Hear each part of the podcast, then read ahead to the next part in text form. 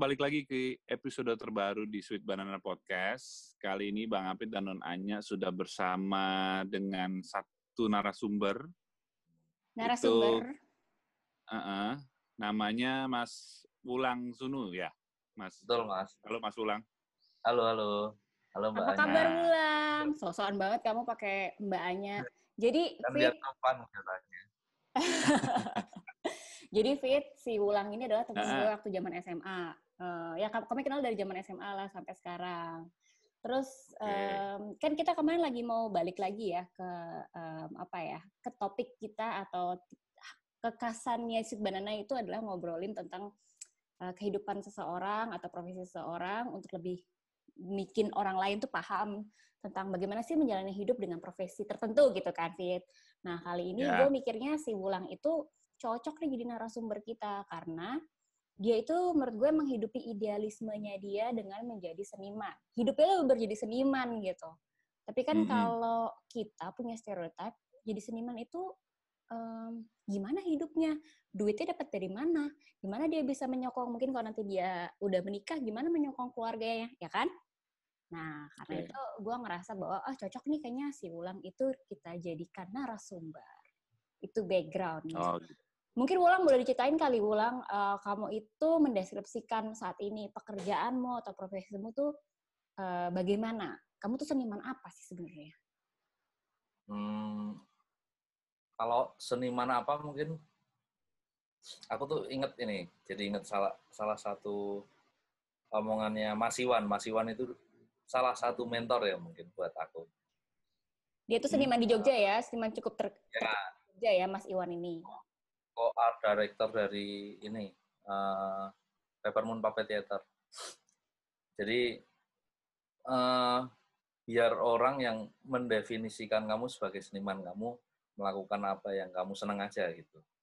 Gitu hmm. jadi kalau mungkin aku seneng sama menggambar terus uh, ber, apa ya uh, karya-karyaku cenderung naratif atau uh, seneng cerita gitu loh.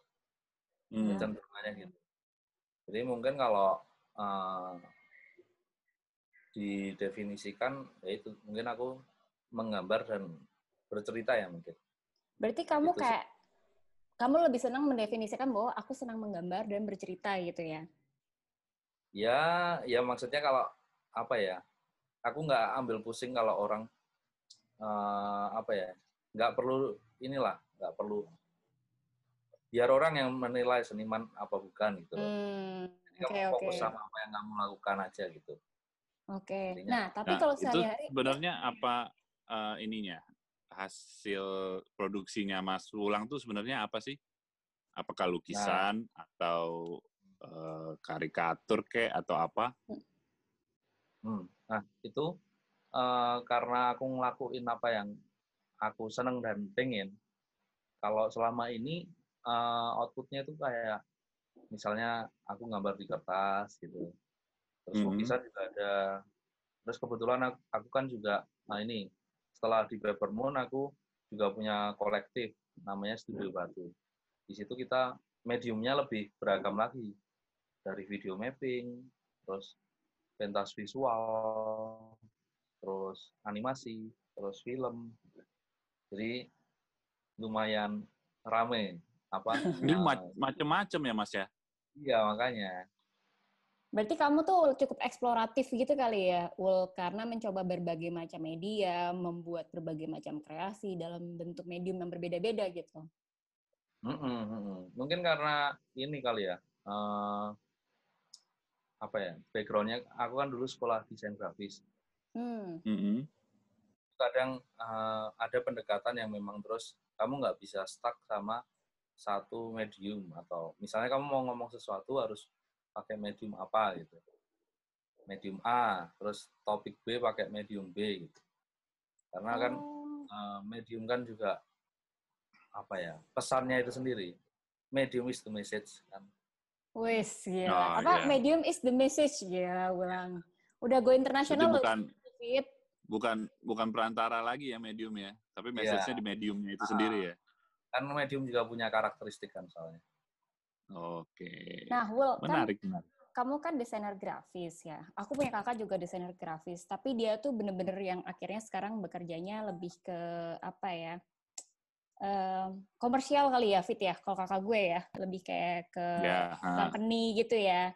Nah, kenapa Iya. kamu memilihnya lebih ke em, jalur apa istilahnya ini ya? Jalur Jalur bebas. Ya, jalur Jalur- bebas. Bebas nih, Fit. Eh, Fit lagi. eh, wool daripada komersil atau apa ya istilahnya? Em, bekerja untuk company-company gitu. Mungkin karena apa ya dari kuliah itu kan aku eh, jadi kuliah di saat yang sama aku juga ikut Peppermoon Puppet Theater. Maksudnya gabung jadi bagian kol- apa anggota lah. Di situ kan aku eh, dapat inilah banyak proyeksi. Artinya kamu bisa sampai ke sini loh kalau kamu sungguh-sungguh melakukan apa yang kamu senang atau eh, apa ya ya maksudnya untuk berjuang sendiri itu memungkinkan sekali untuk mencapai hal-hal yang mungkin kamu nggak bayangin Hmm. katakanlah eh, ini misalnya eh, kemarin kita studio batu eh, bikin pentas itu kita bisa dapat dalam setahun kita dapat dua grand gitu yang Wes. satu kita bisa pentas keliling terus Mhm. satu karya itu juga eh, apa apa ya dipentaskan beberapa kali lumayan banyak orang yang penasaran sama karya itu yang kedua kita berhasil juga eh, dapat grand yang cukup bergengsi di apa eh, istilahnya skena apa ya seni pertunjukan lah Sini pertunjukan. Emang terakhir itu apa kan- ya awardnya, Bul? hibah kelola kita dapat hibah kelola untuk bikin Ah. satu tunjukan visual kemarin tahun kemarin Oh iya, ya, aku ingat, aku ingat ya betul. Jadi eh, Mas Wulang Sunu ini punya Instagram ya Wulang Sunu dan dia tuh sering untuk me, me- apa ya, memamerkan beberapa eh, karya-karyanya dia, dia dan Studio Batunya, namanya at Wulang Sunu itu ya. Oke, Berarti bisa kalau- dicek tuh ya. Mm-mm, dicek betul. Atau at David J Dots ya, kalau mau lihat IG-nya David. Nggak ada karya seniku tuh nggak ada di situ. Loh, kemarin kamu nyukur mau nyukur rambutnya si Beno, anak kamu itu karya seni loh. Oh iya iya. iya. Anyway, balik ke ulang lagi. Wul, berarti yang kamu ingin kepuasan hati gitu ya? Dengan apa ya? Secara singkat, kamu sebenarnya ingin bilang bahwa ada kepuasan tersendiri ketika kamu mengejar idealismemu gitu. Iya benar, benar, benar. Kira-kira gitulah. Jadi, Nah. ya itu, eh, sorry, Em, aku tambahin dikit. Mis, Ya. eh, Hmm. Kenapa aku milih itu?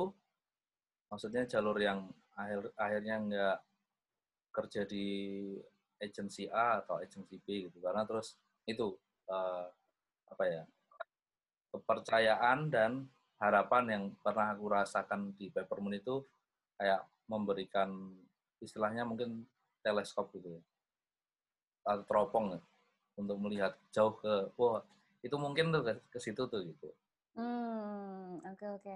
Nah, Fit, eh, sekedar info, C, sekedar info. Jadi gue tuh akhirnya dulu deket-deket sama Wulang, maksudnya akhirnya jadi lebih deket. Kami kenal dari SMA, tapi lebih lebih kenal gitu karena gue pernah join jadi volunteer di pertunjukan Peppermoon Puppet Theater di Jogja. Oke.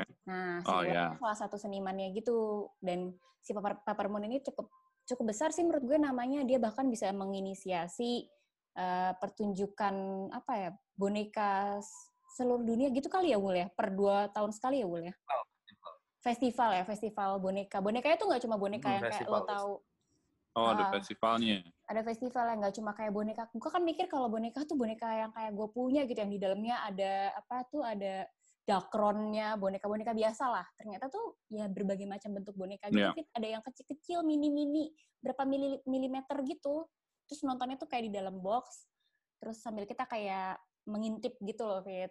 Jadi menarik. Oh, nah oke. mungkin memang sih waktu gue jadi relawan aja ketika gue ikut festival itu gue jadi relawan ya jadi volunteer gue ini ada kepuasan gitu loh Fit. Kayak em, se- seolah melihat oh menjadi seniman itu promising. Setidaknya dalam dalam memberikan apa ya kepuasan batin gitu ya Wul ya jadi mungkin aku paham apalagi Wulang kan terlibatnya malah jadi senimannya langsung gitu yang ikut uh, dalam pertunjukannya, ikut ambil uh, story gitu-gitu.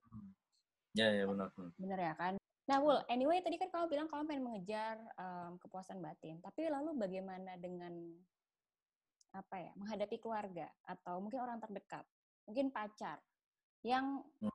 kita tahu seniman itu masih di stereotype bahwa seniman itu nggak dapat duit banyak gitu, nggak bisa hidup nyaman dan tenang misalnya kayak gitu secara hmm. ekonomi ya. Bagaimana ada ada ada ada permasalahan seperti itu nggak sih waktu awal-awal kamu memutuskan bilang sama orang tua aku maunya begini gitu? Nah, apa ya? Untungnya orang tua aku tuh nggak pernah uh, yang menuntut harus jadi ini, harus jadi itu gitu. Jadi background orang tua aku tuh guru, guru. Jadi aku dulu SD, SMP itu istilahnya kayak mungkin di mendapat pelajaran disiplin yang sangat mengerikan. Misalnya suruh belajar sampai kayak gitu. Ya, pokoknya tersiksa lah. Tapi terus begitu SMA, eh, di Dubrito aku ternyata orang tua aku seperti memberikan kebebasan yang lebih gitu untuk kamu mau gimana. Nah, SMA itu juga titik di mana aku mulai istilahnya menjajaki uh, dunia seni yang uh, ini mural-mural di jalan gitu. Kan itu e-, eranya baru graffiti itu di Jogja baru panas-panasnya gitu. Oh iya benar, kamu dulu sering nah, bikin mural ya Bu? Nah, itu aku sama teman-teman Studio Batu. Jadi dulu sebelum namanya Studio Batu kita awalnya uh, dimulai dengan uh, ngorek-orek jalan gitu atau gambar di jalan. Hmm. Nah itu oh. itu ibuku ibu aku cukup apa ya uh, oh kok boleh ya aku aku bilang padahal itu kan kalau mau gambar itu selalu di atas jam 11 atau 12 gitu. yeah, karena nunggu ada orang. Hmm. Nah itu ibuku tanya mau ke mana mau gambar gambar di jalan itu ya boleh-boleh aja oh jadi, jadi uh, oh. beruntung ya well kamu suportif gitu keluarga ya iya uh, jadi cukup nggak tahu nggak tahu kenapa begitu SMA ibuku cukup uh, yaitu suportif dan nggak menuntut kamu harus gini gini gini enggak hmm. nah hmm, hmm. karena ada kebebasan itu aku justru malah berpikir aku nggak bisa seenaknya ini untuk uh, istilahnya kayak waton apa asal gambar gitu. Nah, masuk ke kuliah, aku ikut paper moon. Nah, itu makin dapat banyak pencerahan ya mungkin. Hmm. Maksudnya terus muatan gitu ya. Seniman itu uh, ada strateginya, ada bagaimana kamu harus survive. Artinya uh, kegiatan berkesenianmu harus bisa sustain. Hmm, hmm, Caranya hmm. gimana ya mungkin orang beda-beda gitu. Tapi dari situ aku juga belajar. Nah, ketika di Papermoon aku pun uh, mungkin bagi orang tua apa ya? Aku kan kalau kalau uh, misalnya tur gitu ke mana gitu, aku cerita tuh. Mungkin Tunggu, itu sebelum, sebelum kamu lanjut dulu, Wul, sebentar. Kamu harus jelasin kamu udah tur ke mana aja berarti waktu sampai Papermoon. Oh, oke okay, oke. Okay. Kalau sama Papermoon itu udah di Singapura. Hmm terus di Australia itu di Darwin terus di mana ya ke Jepang nggak mau ikut nggak sih lu waktu ya. Jepang oh belum belum belum Tasmania ya? terus Inggris Jerman mana lagi ya aku tahu oh Thailand Thailand hmm. Myanmar udah kayak lu fit oh. lu kan pilot udah ke mana-mana tuh Iya, itu ikut festival atau emang bikin acara sendiri, Mas? Ikut festival, Mas. Kalau biasanya uh, di Peppermoon itu ketika diundang itu biasanya ada festival. Oh, Oke. Okay. Nah, gitu. Nah, menyambung. lumayan lagi. juga ya, keliling-keliling dunia ya. Nah, makanya itu kan terus uh, nyambung yang tadi jadi mungkin orang tua jadi melihat oh jadi seniman ternyata juga bisa apa ya mendapat mendapatkan penghidupan, punya mungkin buat orang tua uh, prestis oh, yang iya. bisa diceritakan ke tetangga lah minimal. Oh anaknya dari situ sih mungkin kadang mungkin orang tua kan butuh oh ya bisa diceritain anaknya. Iya sih benar-benar. Gitu kan. Iya benar-benar. Nah, dari situ, dari situ. Terus misal ada pentas gitu aku uh, undang bapak ibuku nonton. Kalau ada pameran, aku juga undang mereka untuk datang. Hmm. Terus ya udah, mungkin dari situ mereka uh, terbangun ya kepercayaannya atas apa yang aku pilih.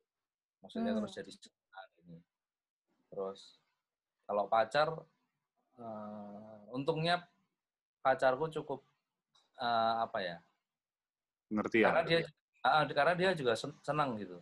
Dan dia sekarang juga kerjanya di jadi manajer di satu apa kolektif itu namanya Good School sekolah untuk seni gitu di Jakarta. Oh, hmm. oh ini juga apa uh, graphic designer juga atau? Uh, dia jadi manajer di itu kolektifnya itu sebenarnya bentuknya kayak sekolah sekolah tapi sekolah seni gitu. Sekolah seni. Oh, kayak ini ya kayak Hello Motion gitu kayak si Wahyu ya, Aditya ya. Nah kalau Hello Motion kan fokus di animasi, animasi kalau. Ya. Nah, kalau tahu sih Fit? Lebih eh, eh. Emang gue nggak boleh tahu. Gue pikir lu kagak tahu lo gitu-gituan. Wah hebat juga gua, kamu. Gue orangnya nyeni juga ini. Oh wis gila. lu berarti harus. Gue pikir lo kayak oh apa ya eh, lagu-lagu Glenn Fredly aja ternyata lu bisa tahu yang lain ya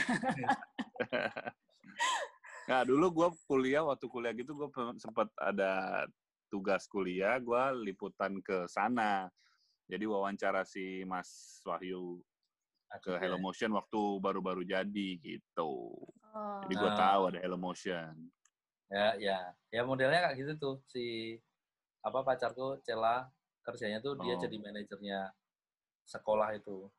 Jadi mengerti lah ya dunia dunianya Mas Wulang tuh dia ngerti lah ya. Ya, insya Allah mengerti. tapi tapi tadi Ul um, kan kamu sempat uh, mention soal apa strategi sempat kamu belajar hmm. tentang strategi menjadi seniman di Peppermoon. Um, apa hmm. sih uh, strategi yang kamu pelajari dan mungkin saat ini kamu terapkan. Jadi ini bisa berbagi juga mungkin bagi orang yang sekarang mikir mau jadi seniman. Nah mungkin uh, ini kalau sekarang aku dan teman-teman di studio Batu uh, kan untuk karya yang utama katakanlah tadi pementasan atau film itu kan istilahnya mungkin dia butuh modal dan nggak bisa setiap bulan ada undangan untuk pentas gitu, gitu kan. Nah, berbekal apa yang kita punya di desain grafis, terus arsitektur, terus musik, fotografi, itu kita kayak bikin biro, biro desain gitu. Jadi agensi gitu. Ya, sebenarnya cuma kecil-kecilan. Hmm. Ya, misalnya nerima bikin logo atau mural atau ilustrasi untuk cover buku atau merchandise kolaborasi sama siapa gitu jadi itu itu itu kaki satunya untuk yang tadi masalah uh, perekonomian uh, di kolektif atau pribadi itu kita pakai itu. Hmm. hmm.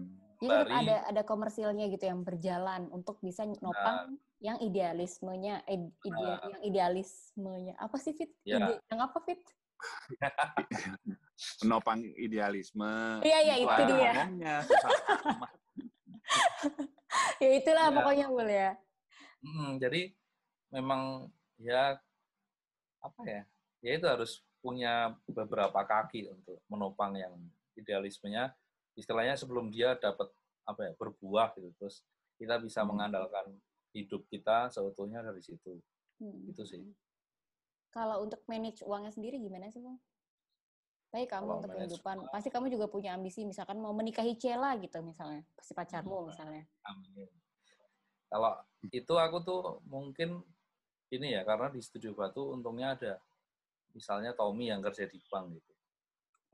Aku biasanya konsultasi sama dia. Oh gitu. Jadi masalah ini harus gimana sih manage uang? Aku dikasih tahu opsi-opsi yang katakanlah bisa membantu untuk misalnya nih aku beli laptop itu kamu bisa aja pakai ini koperasi biar bisa nyicil gitu. Hmm. Nah itu salah satu uh, apa ya cara untuk Trik. ah triknya untuk ngatur uang gitu. Terus aku juga tiap bulan tuh punya target harus dapat segini untuk ini ini ini gitu ya oh. sederhana sebenarnya nggak yang gimana gimana Berarti Fit sebenarnya mirip-mirip sama kayak freelance gitu ya Fit? Maksudnya harus jemput bola. Kayak kemarin kan minggu lalu kita ngobrol sama Mas Anom yang jemput bola. Kayak mencari-cari yeah. pekerjaan untuk supaya untuk supaya double banget sih maksudnya supaya hmm. um, tawan tuh ya bahasanya ngejek mulu fit. Ya pokoknya supaya tetap ada penghasilan cukup gitu. Berarti harus pinter mirip sebenarnya fit ya? Iya harus pinter uh, mengelola uh, uang. Mm-hmm. ya benar. karena kan nggak ada nggak ada ini ya mas. Maksudnya nggak ada kalau di kantor kan ada tetapnya ya. Misalnya hmm, uang yang tetap masuk gitu per bulan. Kalau ini kan ya benar-benar sesuai dengan apa ya uh, usahanya sendiri terus ya berapa banyak pekerjaan yang itu kan nggak nggak selalu sama kan? Benar benar benar, jadi memang harus aktif. Itu tadi makanya aku menggunakan Instagram semaksimal mungkin lah untuk mengekspos apa ya karya-karya. Seberapa efektif sih mas si sosial media itu buat mas pulang efektif banget menurutku. Instagram terus, aja Iya, sebenarnya aku cuma di Instagram sih. Sama oh. berjejaring oh. fisik artinya oh ketemu ini, kenal sama itu, itu juga uh, tabungan juga untuk untuk networking ya. Networkingnya itu pasti akan membantu suatu saat. Gitu. Oke. Ya itu mungkin kalau selain apa ya, selain dari sisi finansial atau dari apa gitu tantangannya uh, dari Mas Ulang yang udah pernah dijalanin gitu. Jadi biar orang-orang yang mungkin masih ragu untuk independen lah misalnya gitu loh. Kalau aku sendiri merasa uh, apa ya memutuskan dan bisa survive sampai hari ini juga karena uh, aku juga nggak sendiri kan sebenarnya. Aku juga punya kolektif hmm. studio batu. Nah, mungkin uh, aku terus mencari bagaimana supaya tetap relevan hmm, karya-karyanya. Berarti tantangannya itu lebih mencari relevansi karyamu sama apa ya? Sama zamannya gimana nih? Zamannya. Hmm, hmm, hmm. Makanya terus kita mediumnya pun jadi jadi uh, beragam. Artinya terus kita bikin video mapping gitu. Terus kita hmm. karyanya memang ada kawin perkawinannya sama teknologi gitu. Iya. Yeah. Jadi itu uh, upaya saya dan teman-teman untuk tetap relevan dan ya bisa survive dengan itu. Mm, mm, mm, Terus kamu satu tim ada berapa orang sih, Bang? Uh, di studio batu itu ada berapa ya? Ada belasan kalau nggak salah. Hmm. Kalau dihitung enggak, belasan sih. Belasan. Ada belasan orang. Sorry tadi aku sempat kayak mood, uh, apa namanya memotong. Jadi tadi kan kamu tantangan pertama biar relevan, relevan. Yang kedua tadi kamu sempat mau ngomong kayaknya ya. Sorry. Uh, itu apa ya? Satu secara bentuk relevan. Terus hmm. uh, idenya atau kontennya pun juga apa ya kira-kira yang kita kita pun uh, apa ya jujur gitu dari kita sendiri keluarnya gitu. Yeah. Jadi uh, biar enggak kelihatan pura-pura atau kontennya itu pokoknya kita mikirnya ini harus harus jujur dari kita. Jadi itu hal yang penting juga kejujuran dalam berkarya itu. Mm, itu Tantangan. Saat ini kamu selain uh, punya tantangan yang masih sangat dihadapi gitu nggak sih bu? Tantangannya apa ya? Itu sih. Ya sementara itu uh, kalau masalah untuk mendapatkan kesempatan-kesempatan lain kan itu selalu menjadi tantangan ya. Tapi yang hmm. susah itu terus satu relevan terus dua kontennya menarik. Hmm. terus tiga akhirnya nanti karyanya jadi bagus. Otomatis nanti kesempatan pasti datang lagi kan. Itu sih kalau mungkin aku uh, rangkum ya mm-hmm. tantangan yang selalu ada itu itu. Mm.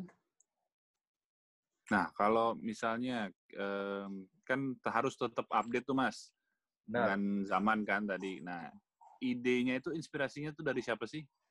Atau dari mana? Dari sekitar apalagi sekarang internet apa uh, semua orang dapat mengakses internet kan. Maksudnya hmm. terus uh, ngamatin aja apa yang ada di sekitar kita. Apalagi udah gampang banget sekarang mau lihat apa di mana Instagram gitu. Jadi yeah. jadi sangat terbantu dengan itu. Dan juga misalnya eh, ketemu teman gitu tanya-tanya itu juga penting menurutku. Misalnya teman A yang di Jakarta sedang melakukan apa. Itu kita kayak eh, memprediksi misalnya tren nah itu dari situ hmm. tanya teman yang di Jakarta atau mengamati mereka baru melakukan apa itu kita kayak ramal cuaca gitu. Oh, oh ya. Prediksinya ya. Hmm, jadi berjejaring tadi fungsinya juga untuk itu, untuk mencari relevansinya sekarang apa, terus apa yang bakal um, akan muncul nih ke apa di apa yang mau dilakukan orang-orang gitu gitulah. Hmm. Jadi ada janjian nggak sih mas? Janjian gimana? janjian sama misalnya satu komunitas misalnya ah tahun depan gue bikinnya yang model-model begini atau gimana hmm, nah, jadi menciptakan tren bersama-sama gitu ya nah, Fid ya menciptakan ah iya maksud gue gitu secara kolektif membuat oh. satu tren baru gitu ada nggak kebetulan kita kita di dalam apa ya aku kalau aku sendiri orangnya tuh pemalu ya mau ketemu orang itu suh malu hmm. malu kalau uh, terus kenalan gitu tuh malu. Sama kayak aku kok ulang sama-sama. Sama ah, iya. Oh, oh iya. Iya, iya. Sama, malu, malu-maluin kalau hanya. Nah, Jadi kadang tuh kita apa ya? Kalau di Jogja sendiri mungkin lebih gampang ya berjejaring gitu. Karena kamu kenal ini pasti akan kenal siapa gitu. Hmm. Nggak pernah janjian. Lebih lebih lebih kecil ya lingkupnya kalau di Jogja ya. Mungkin, Jadi lebih gampang gitu maksudnya. Mungkin karena kotanya kecil gitu. Jadi tapi ah. baranya bisa luas. Hmm. Oh iya. Terus apa ya?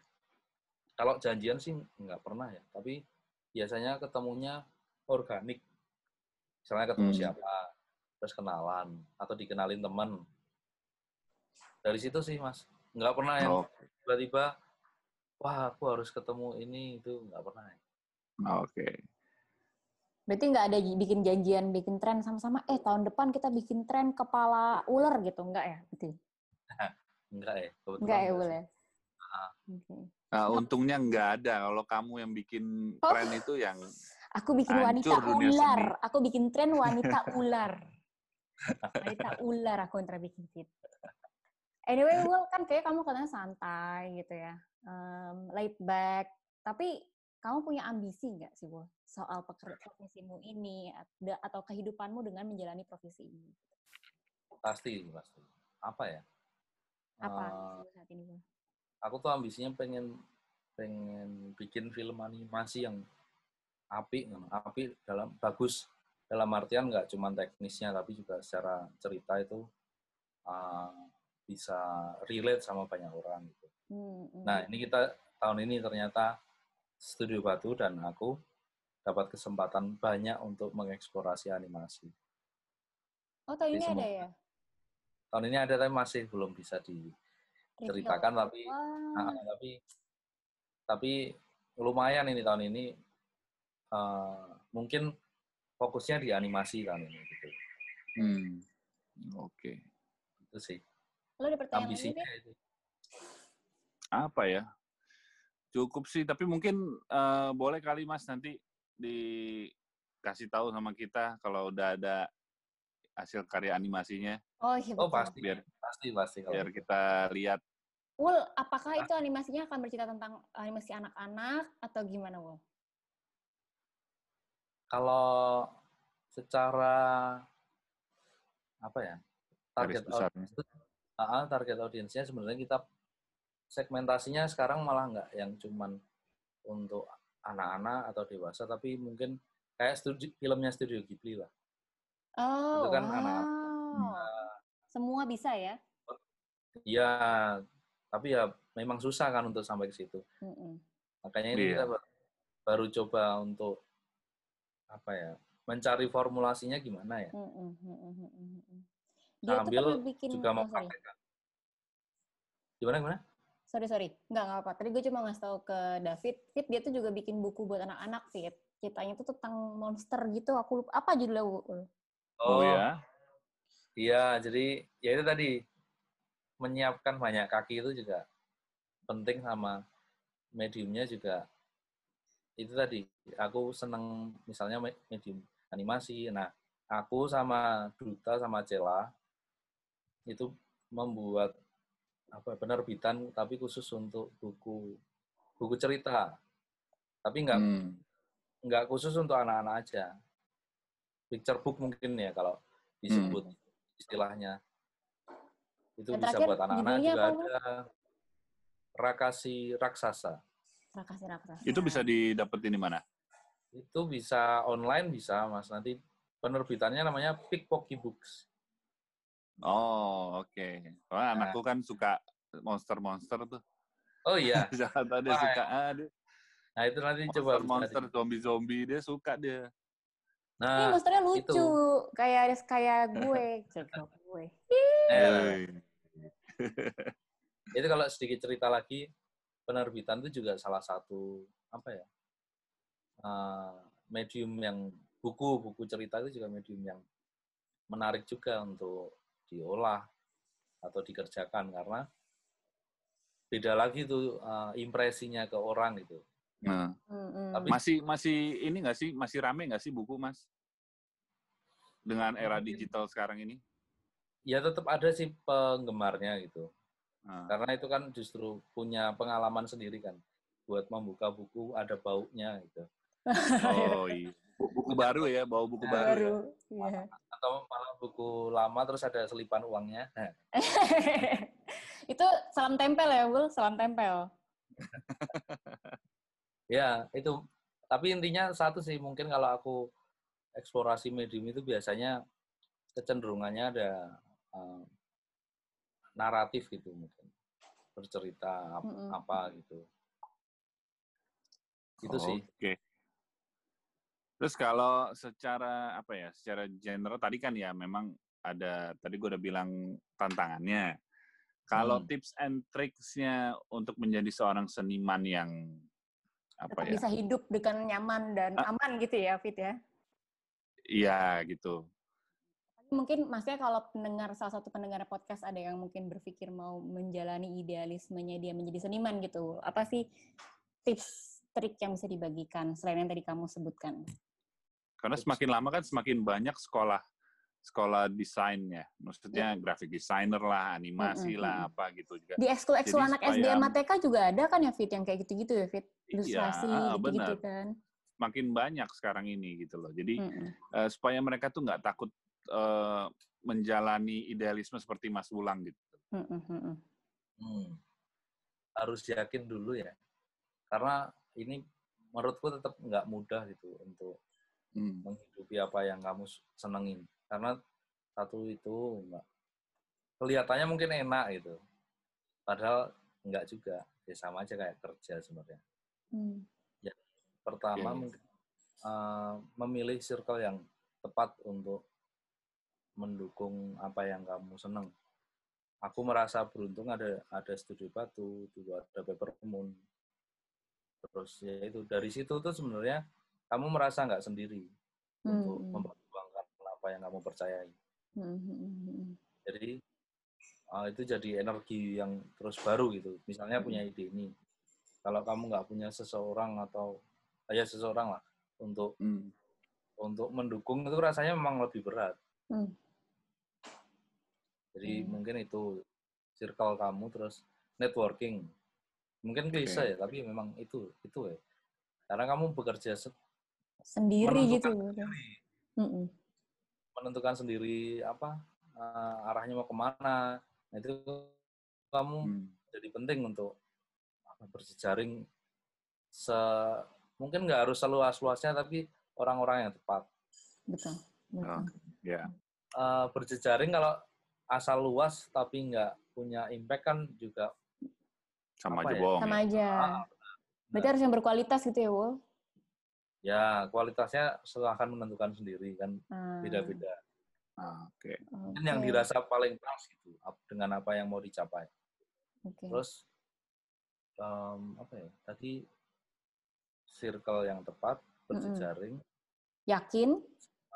yakin, sama terus belajar.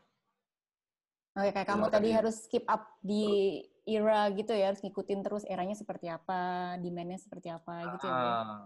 Hmm, Terus harus mengembangkan diri lah ya. Hmm. ya benar. harus selalu meneropong ke depan. Terus, waduh ini kurang ini berarti aku harus ngejar lagi gitu. Mm, Kira-kira. Oke, Oke.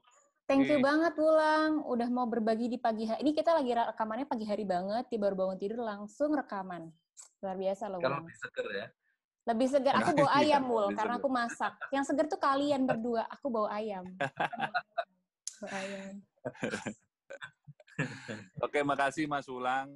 Terima kasih Sama-sama, Zafir. inspirasinya, eh, tips and tricksnya. Semoga bisa men- menginspirasi pendengar podcast kita.